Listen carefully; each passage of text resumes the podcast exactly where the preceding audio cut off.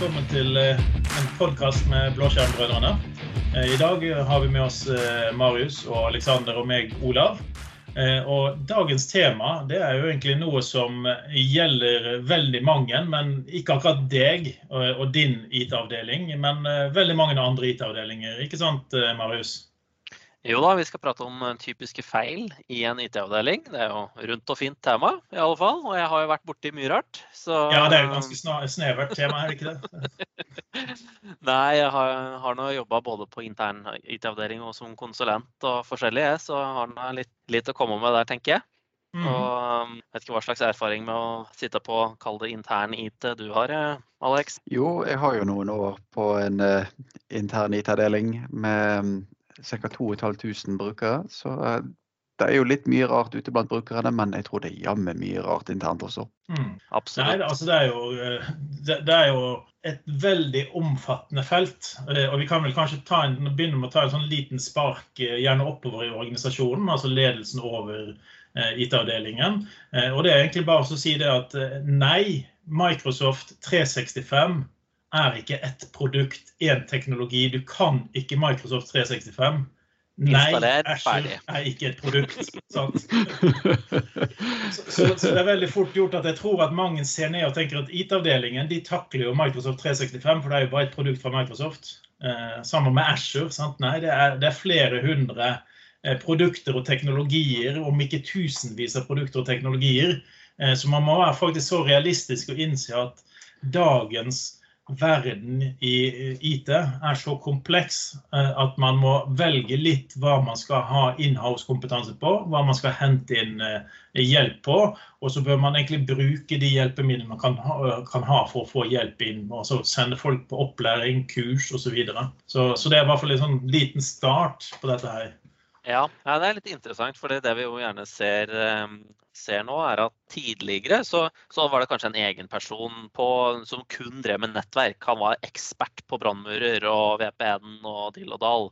Og så satt det en fyr og drifta noen servere og gjorde noe greier der. Og en egen person som kun drev med databaser osv. Og så er du ute i, ut i, skya, da skal plutselig alle kunne alt. Mm. Um, så det er vel det vi gjerne ser litt mye rundt omkring. Og det her avhenger jo veldig av størrelse på, på IT-miljøet og, og, sånt, da. Men, uh, men, uh, det er interessant å se at det, nå skal du enten kunne litt om alt, og ikke nødvendigvis være den eksperten, hypereksperten på, på enkelte ting. Jeg vil kanskje se litt sånn som kan være litt problematisk ut i skyverden, da.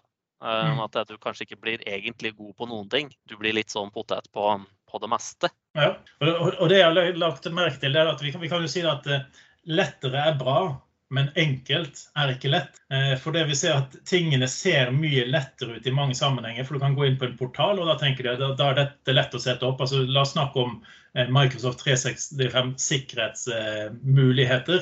Ja, ja, men det er jo bare å gå inn og krysse av. Du kan gå inn på secure-scoren og få 200 tips.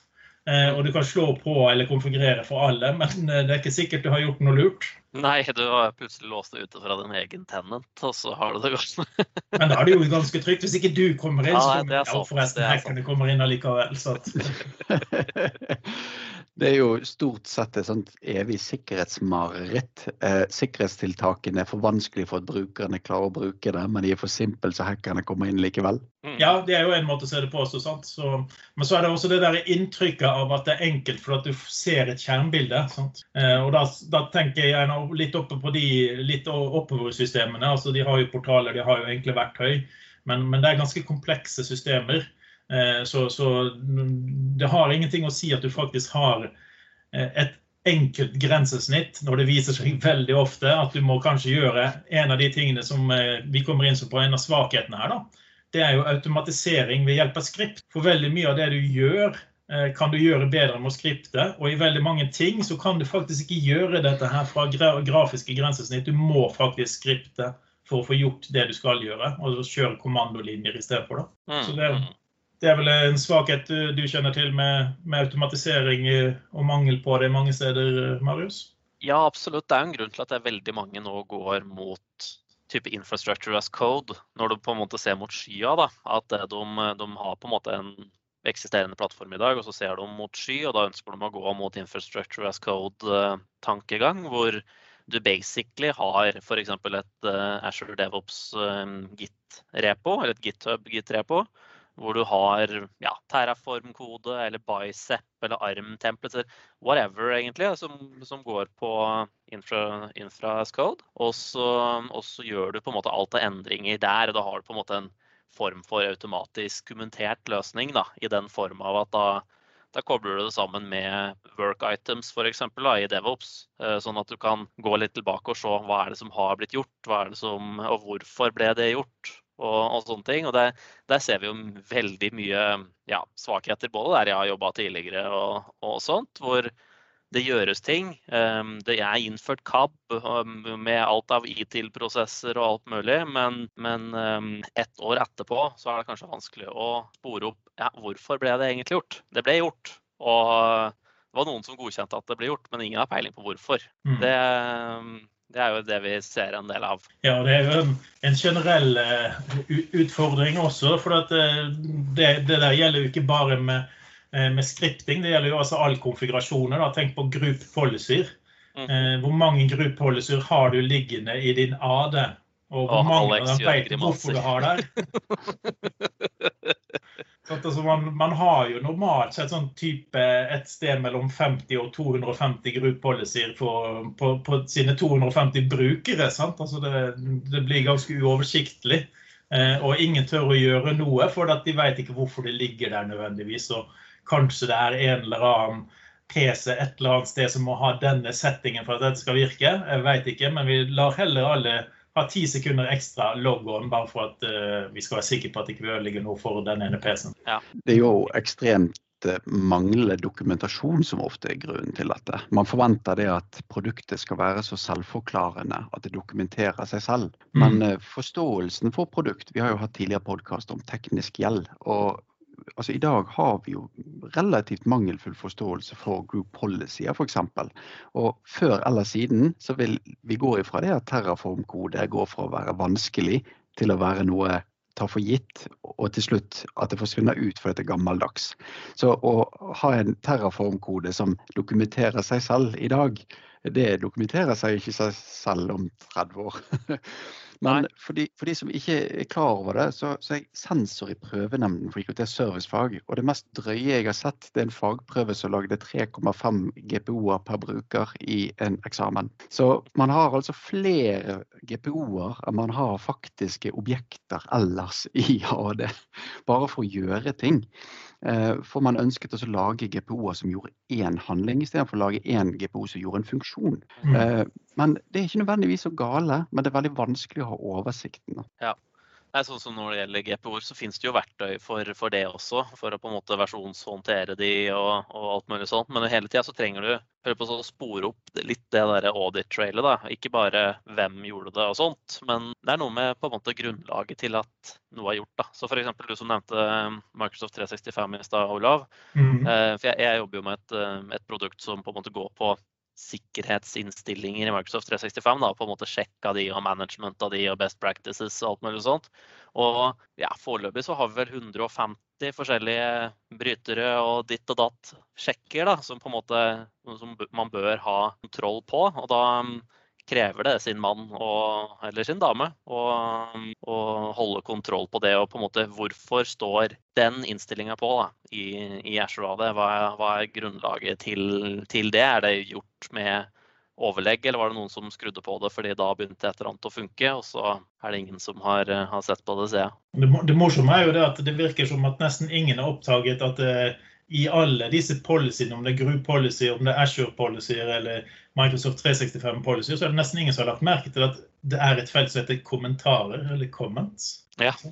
Så det er liksom Enten er det en selvforklarende, eller så må du forklare det. Jo, fordi Plutselig legger noen inn det, og så er det gjort en annen endring i etterkant. Og så er den, den kommentaren er da egentlig på en måte ja, for, forrige versjon, og så har du det Men, men, men det, det, derfor bør man kanskje kommentere hva funksjonen er, ikke settingen er. Eh, altså jeg har prøvd å dele det liksom opp eh, for forskjellige typer. Eh, når vi snakker om Microsoft 365, så har jeg prøvd å lage det, disse forskjellige eh, policyene med en egen, egen, type innhold. altså Det er klientsikring av den typen. altså eh, Basic security, f.eks., som er, da firewall. Eh, antivirus og bitlocker. Sant? Samler du det i ett. Og det er ganske forklarende. Du kan gjøre ganske mye inni der, så du behøver ikke å la det være så stort. Men det kan være bedre å lage én policy som inneholder de tre settingene, enn å ha tre policyer som gjør det samme. Sånn. Mm. Så, og, og, da vil det fort være lett å bruke comment-felt som tar for seg dette. her, og, og, Basic security kan jo utvides til å inneholde ti forskjellige settinger istedenfor de tre, men du vil i hvert fall vite at dette er standarden vår på hva klienten skal sikres med. Og så har du mm. de spesial som er for dette er for HR-avdelingen, dette er for så videre. Sånn, sånn at du i hvert fall kan skjønne målgruppen, om ikke du skjønner innholdet. da, for Det, det er jo det som er litt av problemet med gruppeholdet sine. Det er ikke settingene nødvendigvis som er så skumle og vanskelig å finne ut av, men det er liksom hvorfor har vi dem der? Sånn, hvis vi hadde fått vite at dette her er for HR eh, sin, eh, sitt, eh, sitt, sitt HR-system OK, da vet vi at det Masse register i settings, liksom, eller et eller annet sånt vinner i, og så Ja, hvorfor gjør vi det? Mm. Jo, det gjør vi fordi vi hadde et HR-system før som vi nå har kvitta oss med for fire år siden, men det står fortsatt og kjører. Eller et eller annet sånt rart nå. Og et ja. aspekt til i de kommentfeltene er jo det at man gjerne glemmer å skrive hvilken dato man gjorde en handling, eller hvilken dato man gikk inn for å gjøre disse tingene. For vi vet jo det at Passordpolicyer har jo forandret seg. Tidligere så var det anbefalt det at du skulle ha komplekst passord, åtte tegn, skulle ikke være de ti siste og, og, og, videre. Men så var det magiske detalj der, og det var jo det at du fikk ikke lov til å endre passordet mer enn én gang for dagen. Altså Passordet var nødt til å være minst én dag gammelt. Og dette er jo ting som bryter med f.eks. Eh, Ashore-strategien med self-service password reset. Så ja, og ikke også... minst det hvis du får en uh, nyopprettet bruker, uh, og så må du bytte passord på den med en gang du logger det på. Den brukeren ble opprettet samme dag, så får du ikke lov å bytte passord før i morgen. Så ta en dag fri, så fikser du det i morgen. ja. Velkommen. Første arbeidsdag er fri med lønn. Ja. Men, men, da ser vi altså vi, vi, vi, gikk litt fra automatisering, eh, at det er en typisk feil at eh, man gjør en god del manuelle ting eh, som burde vært automatisert, sånn at man kan gjenta samme feil hele tiden.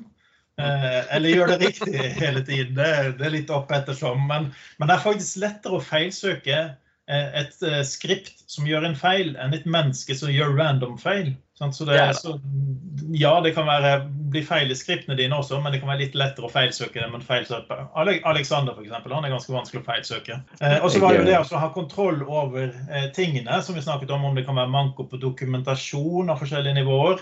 Eh, og det, det, medfører da at du kanskje ikke vet hvorfor du gjør ting. Og det, det, kan være farlig, for det er jo typisk eh, misbruk. Eh, jeg så jo for ikke så veldig lenge siden så oppdaget jeg at noen slo av brannveggene på PC-er som skulle gjøre spesielle jobber, istedenfor å lage en policy som åpnet riktige porter. Og Det er en sånn typisk gammel synd fra XP-tiden, når Service Pack 2 var det vel, så kom med den advanced firewallen.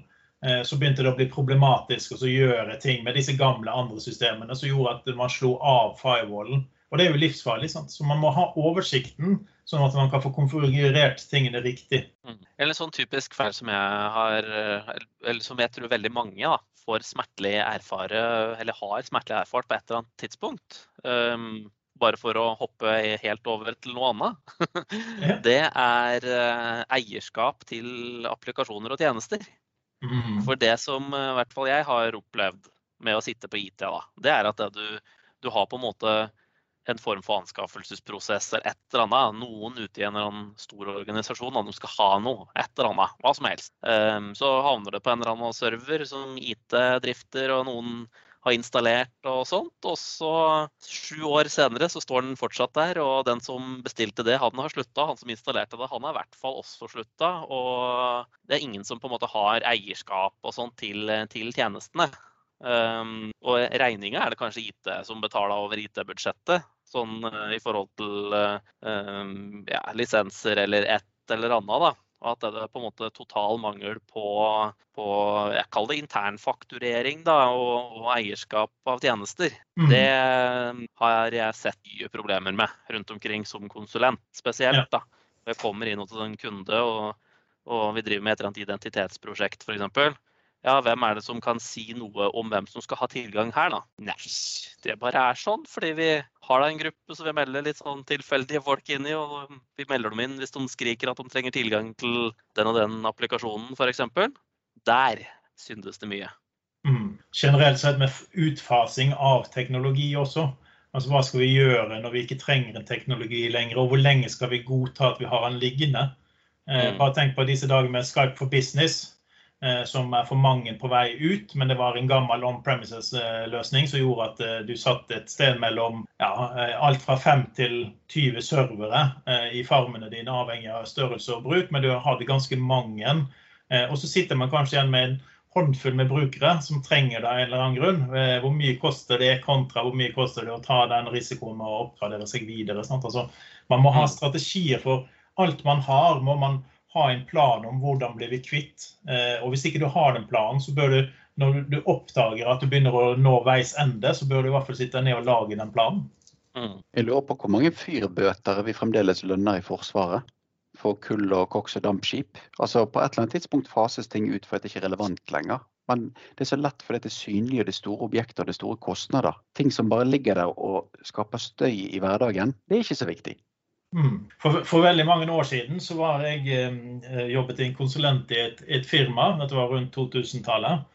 Eh, og så ble jeg eh, satt inn på vaktlaget, eh, som betydde at jeg måtte være tilgjengelig for eh, ringing eh, døgnet rundt og helgen i en uke hver måned. Eh, og det var helt greit. Jeg var med på den og syntes det var kjekt. For det var aldri noen som ringte. Men jeg fikk da mine penger betalt eh, hver, hver måned for den uken jeg hadde hatt. Og det var, det var grei betaling for å ikke gjøre noe i det hele tatt. Jeg sov like godt. Og, og det som viser seg, er at dette var jo en kommunikasjonsboks, eh, hvor jobben var egentlig bare å ta med seg boksen ut til kunden ta bort den gamle, sette i den nye, for han var ferdig konfigurert til å tas i bruk. Så det var jo en veldig enkel jobb. Og jeg visste liksom bare at det, dette er det du skal gjøre. Hvis det er mer problemer enn dette her, så skal du ringe dette nummeret. Eh, og etter å ha gått på den turnusen i halvannet år og tjent, eh, tjent, ganske mye penger ekstra, eh, så viste det seg at den kunden plutselig oppdager at de har faset ut den boksen og byttet den ut med en annen boks som har en annen driftsavtale i et annet firma.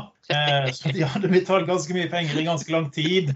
Eh, for å sørge for at jeg fikk litt ekstra penger, da, som var, litt kjekt for så vidt. sånn, sånn sett. Men, men, det viser jo det, denne oversikten over hva du faktisk har, hvorfor har du det, og hva skal du gjøre når det skal fases ut. Husk alle leddene. Mm. Ja, Vi nevnte vel litt i den eh, episoden om cost management i skya og, og, sånt også, hvor ting mm. blir litt mer synlig. For der er det på en måte consumption-basert og sånt. Det er på en måte ikke at du plasserer en server i et eller annet rack, og så glemmer du å skru av bryteren, på en måte. Men mm. allikevel så er det fryktelig fort gjort å bare spinne opp noe greier der også, og så står du og snurrer, og to år senere så ser du hm, den VM-en her kan jeg ikke helt Hva er dette her igjen? Ja, Å ha en VM liggende og snurre på samme måte som man har en group policy, kan bli ganske dyrt. ja, og så er det jo også litt det at man, man, tenker jo at det er lettere å se det. altså nå har det kommet et, eh, Jeg fikk faktisk på Advisoren i Ashore her forleden dag så fikk jeg et godt tips. For den sa at eh, denne maskinen her den kjører jo bare på 0,5% av CPU-en i snitt. Eh, så det, viser seg at det, det, var en unødvendig ressurs som sto der, men den ble brukt til noe testing veldig sjeldent. Men, men det begynner å komme på plass. Eh, men du får f.eks. ikke en rapport hvis du har tatt shutdown inn i maskinen istedenfor i konsollet, som betyr at du allokerer IP-adressen, men ingen andre ressurser. Eh, og den koster faktisk det samme som en kjørende maskin. Så det er et eksempel på ting som ligger der som ikke du får med deg. Jeg eh, har nevnt det tidligere også. Eh, men samtidig så kommer jo også denne regningen når du får tilsendt dette. og Så begynner du å lese gjennom Ashore-regningen. Pleier du å studere den nøye og forstå alt som står i den? Eh, Auto-archive kaller jeg den funksjonen. Ja, ikke sant? Så, så, selv om du har en oversikt, så, så, har de delt det opp i så sinnssyke linjer at en VM er ikke en VM. En VM er vel kanskje en sånn 15-20 linjer, for du betaler forskjellige komponenter mm. av den maskinen Eh, Storage og compute og trafikk og ja, public keep. Ja. ja. ikke sant? Og så henter du kanskje inn logger fra den. Du har kanskje satt opp eh, DNS-beskyttelse, firewall, eh, advanced firewall. Sant? Så det er liksom så mange komponenter som man ikke helt har nødvendigvis kontrollen på. Så, så, det er ganske uoversiktlig enn så lenge også, da. Men jeg vil i hvert fall anbefale alle å se på den advisoren sin, for å se om de kan få noen direkte kostnader der. Av og til er det at de vil preselge maskinleie, men Eh, det kan dukke opp sånne gylne muligheter, som jeg sa akkurat med den ene maskinen som lå der. Pay as you go er jo kanskje en sånn utfordring der. Og for de som driver med flåteadministrasjon av lastebiler, har jo mye av den samme utfordringen, for de har jo ikke peiling på hvilke bompenger dette er. Så, så man, man, har jo egentlig samme utfordring i andre bransjer med å følge med og kjøre kostnadskontroll og vite hva den lastebilen faktisk er, eller, eller tilsvarende. Så det å lese alle spesifikasjoner som kommer, er egentlig litt viktig jobb uansett bransje. Mm. Men uh, IT-bransjen skalerer vel ganske fort til uh, ekstreme beløp. Ja, og så er det denne alltid ny teknologitanken. altså Alltid noe som blir tatt i bruk uh, fornyelse. Det er, ikke, det er jo ikke alle som er i den situasjonen, men det er veldig ofte sånn at man, man implementerer flere småting av mange teknologier. altså Bare se i Asher, så, så, så, som jeg sa, det at en VM er ikke bare en VM, det er mange andre ting som ligger rundt. og så Kanskje du har en uh, workbook, uh, automation workbook liggende der. Du har litt rundt omkring som gjør at uh, du tar hele tiden i bruk mer. da, Og så mister du kanskje litt mer av den oversikten enn om det var i gamle dager. En maskin kostet dette, lisensen kostet dette, uh, osv. Strømmen var dette. Så det er, det, det er lett å si hva en VM koster, men det er ikke lett å si hva en VM koster. Ja, det, det, det er veldig gode poeng. og vi, meg og deg har jo faktisk vært hos en kunde vi, Olav, der vi tok disse kostnadsutregningene for å sjekke hva Eh, en PC-park på 2000 maskiner ville koste i anskaffelse versus drift. Så, så det å vite hva man egentlig har behov for mot det det vil koste å ha det, er jo kjempenyttig.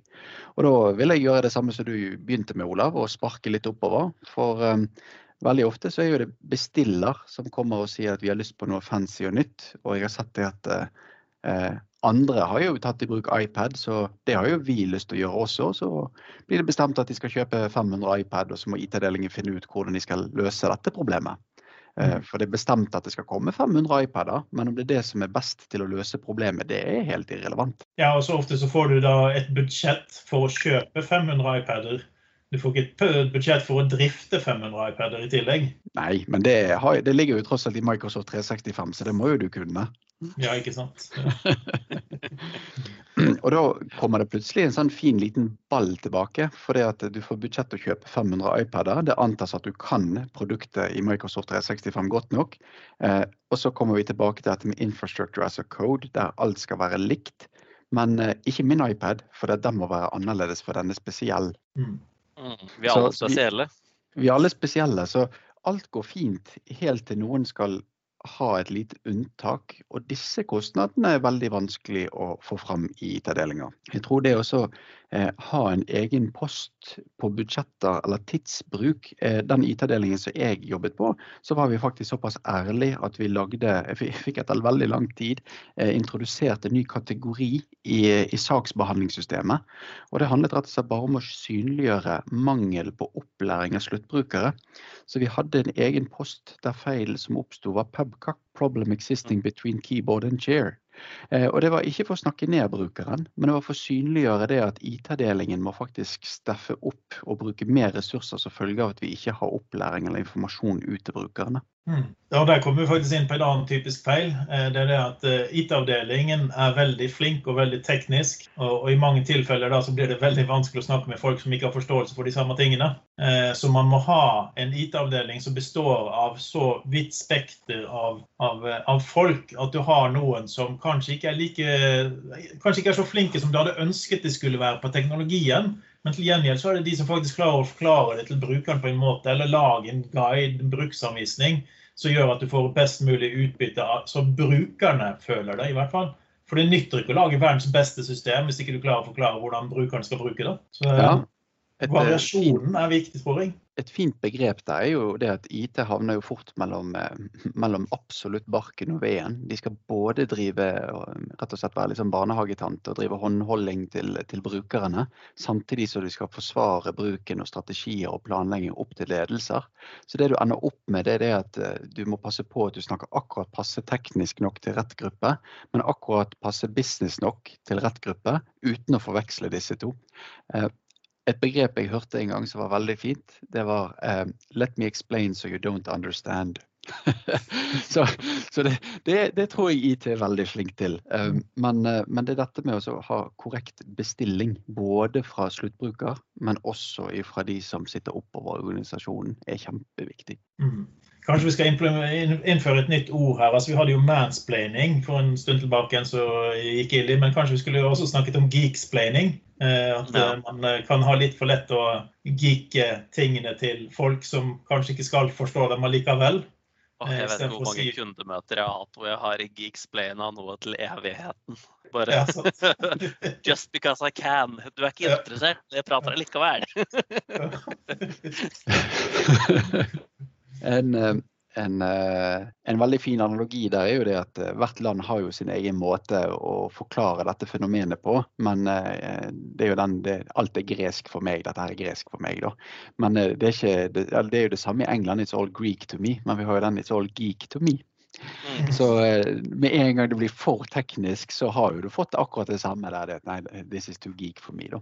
Så, så har jo vi, har vi et sånt fenomen, da IT-avdelingen syns det er gøy å snakke tekniske ting når de endelig får lov. Men mm. da må man bare huske på en liten detalj. Eh, det heter ikke eh, talk nerdy. og det er en veldig grei måte å bare ha i bakhodet det at uansett så er det ikke alle sammen interessert i å høre overdetaljerte om detaljer, sånn som Olav vet at jeg er glad i å forklare ting. Ja, f.eks. taklukehistorier. Eh, jeg tror vi kan lage en helt egen spesial om akkurat takluken, men da hadde jeg foretrukket at du gjorde det helt alene, og at jeg slapp å editere den. Så, så, ja. Det kan fort gjøre at man går litt, går litt amok i, i, forklaringene sine når man får lov å snakke om når man brenner, brenner om, spesielt. Altså når man liker og når man, man har god forståelse selv. Men eh, det, det jeg husker når jeg jobbet i, i, tilbake i 96 i Windows eh, og Office-supporten til Microsoft. Eh, da var det veldig ofte det at når noen ringte inn et problem, og det kunne ikke løse problemet, men hvis du kunne gi en god forklaring som de forsto, eh, så var de fornøyd med at de hadde et problem. Det gjorde ingen verdens ting, men de fikk en forklaring som de forsto. Det var liksom ikke det Nei, det er sikkert noe i veien med .net framework og driverne dine. Også. Mm. Altså, når du begynner på sånne ting, så vil ikke de skjønne det. Sant? Men de sier det, nei, maskinen din eh, har ikke nødvendigvis riktig eh, utstyr på seg til at du kan få den funksjonen til å fungere. Eller Office 365 har ikke den muligheten. Altså, du, du, må liksom prøve å Av og til var det jo mer en fantasihistorie du fant opp. Du satt der og bare klarte å forklare det på en måte som gjorde at de var fornøyd. De visste at det ikke virket, men hvorfor var viktigere enn at det ikke virket, eller om det virket. Sant? Det er jo dette med, med å treffe på forventninger. Jeg, jeg tror dette, dette, går nesten tilbake til noe helt annet. Eh, hvor mange ganger får ikke du beskjed fra Posten om at de kommer med en pakke på døren mellom åtte og fire, og så kommer de helst når klokken er syv? Ja, ikke sant. Ja. Eh, så, så, det å treffe på forventningene sant? Her sitter jeg og har, har et problem med PC-en, og jeg vet ikke hvorfor. Eh, og det er egentlig irrelevant, men er det farlig? Er det noe jeg må fikse, eller, eller kan den feilen bare forbli? Eh, og hvis jeg da får høre det at nei, dette her er ikke superfarlig fordi det har skjedd noe i Ashore-stacken i går, så dette her sitter jeg og jobber, og det er viktig at dette må, må fikses, så sitter jeg akkurat like klok eller like lite klok for den del, da. Men um, hvis jeg får vite det at nei, dette her er noe du ikke trenger å tenke på, dette ordner vi i bakkant, og da feilen forsvinner når vi får fikset det. Mm. Men der kommer vi kanskje inn på en ny feil som er ganske viktig for IT-avdelingen. Eh, man har en tendens til å løse veldig mange enkle problemer og la de tyngre ligge, og bare håpe at de går bort av seg selv. Eh, F.eks. ytelsesproblemer på oss visse brukere. Jeg husker en gang jeg var hos en IT-avdeling Eh, og satt meg ned og så på eh, supportsystemet deres. Og der så jeg at jeg hadde liggende en tre-fire caser som var sånn syv-åtte måneder gamle. Hvor eh, feilen var typisk PC jobber veldig seint. Og så var det ingen som ville gjøre noe, for det viste at på den tiden var en re retanking og, og, tilbakesetting av hverdagen for den brukeren, det var en dagsjobb. Så, så det var liksom det at istedenfor å fikse den ene casen, så fikset de 10-15 andre caser hele tiden i lang, lang tid.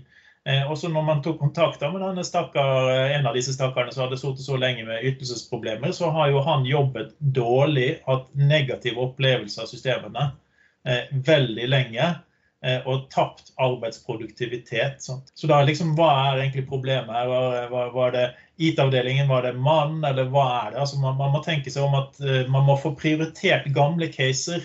Uh, og man må uh, ikke være redd for å kanskje gjøre det som er litt kjedelig. For det er jo tross alt brukerne vi er der for. Vi skulle sørge for at de har best mulig opplevelse av det de skal gjøre. Og vi skal sørge for at det er tryggest mulig, selvfølgelig. Men men vi må kanskje tørre å ta de tingene man ikke har så lyst til å gjøre, for man vet at det er en drittjobb. Men for brukerne så er det et mareritt i evigheter.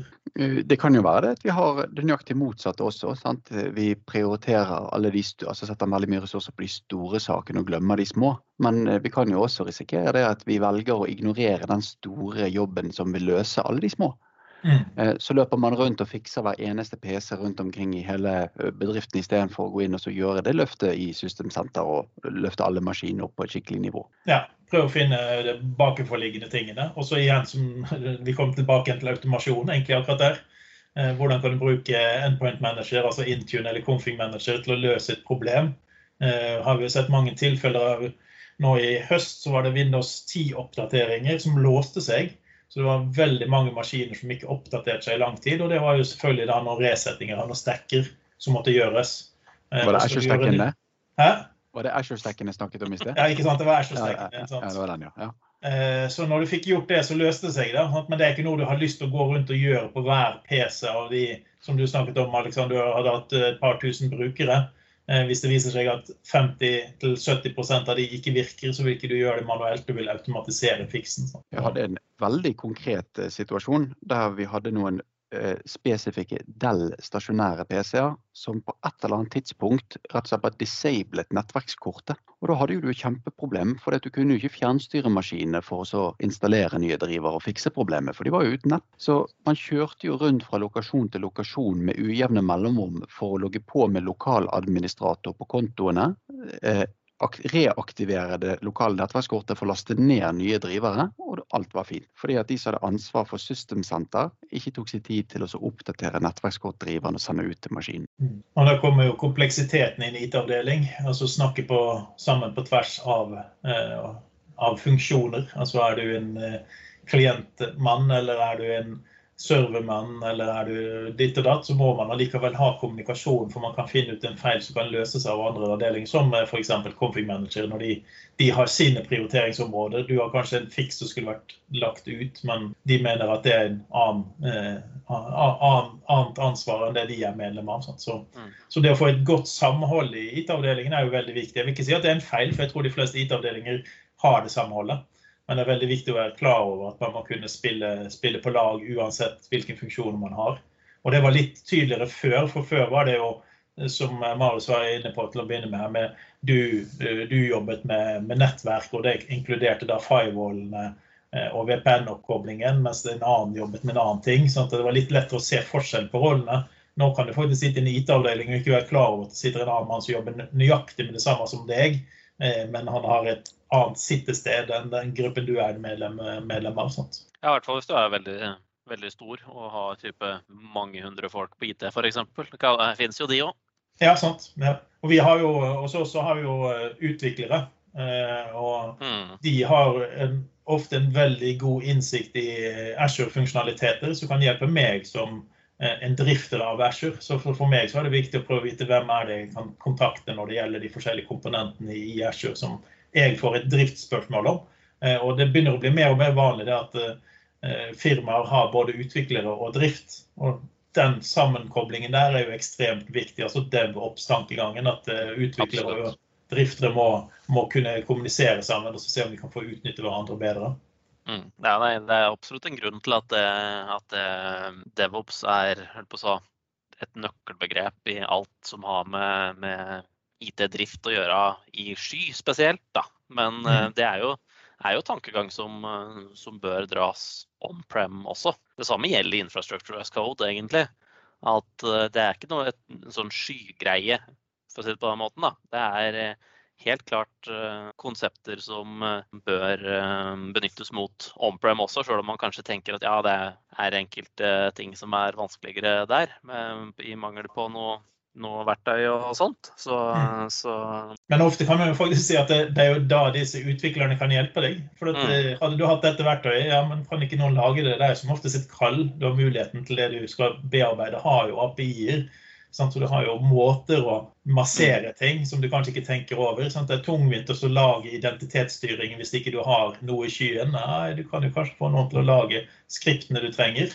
For en utvikler er som ofte er flinkere til å skjønne sammenheng på avanserte skript enn det eh, sånn som meg og Alexander, som stjeler det meste vi, vi trenger av skripting. Sant? Og vi stjeler jo da ofte fra deg, Marius. Sant? Så, så vi, vi har vel en liten samarbeid der. sant? Ja.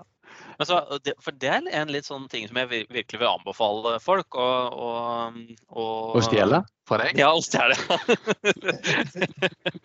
Nei, nå skulle jeg fullført setningen, da. Men det er på en måte å, å innad på en IT-avdeling kalle det starte en litt sånn skripting, eh, ja, faggruppe, kall det hva du vil, da. Fordi hvis du har en, alt fra enkle oppgaver, da. Jeg har f.eks. En, en kompis som eh, trengte hjelp for han skulle slå sammen noe data fra ja, sånn 60-70 Excel-ark. Eller var mer enn det, og 200 tror jeg kanskje det var. Det var jævla mange, da. Så han skulle på en måte gjøre en sånn aggregering og kjøre pivottabeller på tvers av alle de 200 Excel-arka. Og Det endte med at han måtte inn og åpne hver enkelt, kopiere noen greier inn i et sånn felles Excel-ark for å på en måte generere referanser og dill og dall. da. Så han tenkte vel at han kom til å sitte med akkurat kun det problemet i nesten to uker. Tror jeg han på en måte tenkte at han kom til å bruke da, på det. Akkurat samme jobben. Om igjen og om igjen og om igjen. Og så hjalp jeg ham med å gjøre det med PowerShell på en halvannen time i stedet. Mm, det, det sparte han for veldig mye jobb, og det kosta meg ikke så veldig mange kalorier. Eh, Så, så på en måte det å, å mm, kalle det ha en liten form for, eh, for um, um, kompetanseheving og alt mulig sånt på sånn type problemløsning, da. Om det Kanskje en felles GitHub, eksempel? Ja, ja. Et, for eksempel. Her er noen sånn, her er noen sånn verktøy, sånn enkle ja, tools liksom, som vi har lagd. Som vi, det er ikke sikkert du kan bruke det direkte, men du kan kanskje se om hvordan løste de den type problem, eller ja, veldig mye sånn forskjellig. da. Og det å, det å få folk opp og faktisk begynne å bare ha i hvert fall tanken mot sånn småautomatisering med, med PowerShell eller med andre, andre verktøy, det tror jeg kan spare mye tid. Og både på IT, men også andre plasser i organisasjonen. Det, det jeg synes jeg kan, eh, er en stor feil der, det, det er jo det at eh, veldig mange eh, lager et, et enkelt skript, og så tenker de at nei, dette var så enkelt at alle kan gjøre det. Mm. Eh, nei, jeg kan ikke gjøre det. Du, du klarte å få dette ned på fem linjer. Jeg brukte ti linjer og et Excel-ark som jeg tok copy and paste i. Sant? Mm. Eh, Så veldig ofte undervurderer man egentlig verdien av det man selv har lagd med å lage enkle skript. Altså Min GitHub inneholder ekstremt enkle skript på forskjellige ting som jeg jobber med. Har jeg gjort noe som jeg føler at dette her var jo enkelt og greit, jeg ligger det opp. Så det, så det å dele tingene, ikke bare fordi at det er kjempekult og svært og omfattende, men også det dagligdagse oppgaver som egentlig er ganske enkle, kan være en god idé å få delt. Mm. En uh, fin eh, start her er jo det at anta at andre ikke er på samme nivå som, som deg sjøl. Og det jeg fikk et veldig sterkt eh, hint av ut av en Microsoft-utvikler, han som var med på å lage PowerShell, han sa det at det finnes to typer utviklere. Er de som kan begynne med en blank kodelinje, altså et helt blankt sted, og lage en kode fra null til gull. Og så har du en annen type brukere som kan se en kode og gjøre den 50 ganger bedre men de er ikke i stand til å starte på den. Så de har gjerne enkelte metoder som de, de er i stand til å utbedre eller fikse. Eller ved å se på andre steder i en annen sin kode, så kan de optimalisere hele systemet fordi de har en annen måte å tenke på. Så det å gjøre koder mye enklere å bruke den abstraheringen, som man sier. Lage skript som kaller på skript, eller lage blokker som kaller på blokker. Sånn at man kan gjenbruke det, at det blir forståelig for alle. Er egentlig veldig, veldig smart. Mm. Jeg tror tiden vår har løpt fra oss, som man lenge ofte gjør. Ja. Så Ja, eh, en- jeg vil jo takke for eh, innsatsen denne gangen. Det var en, eh, en diskusjon som løp litt rundt omkring, men forhåpentligvis er det en god del tips her. For alle har ting de kan optimalisere. Eh, på en eller annen måte. Og sitte seg ned og tenke litt over hva du vil gjøre, hvordan du vil at IT-avdelingene skal være. Kanskje et godt utgangspunkt. Eh, men samarbeid, nøkkelord her, føler jeg vi har sett litt på. Dele informasjon, kunnskap, og være ærlig og åpen og tør å si ifra når man ser at det er ting som kunne vært gjort bedre, så kanskje noen gjør det bedre neste gang. Absolutt. Ja, takk for denne gang, da. Takk for nå. Takk for nå. Takk for seg.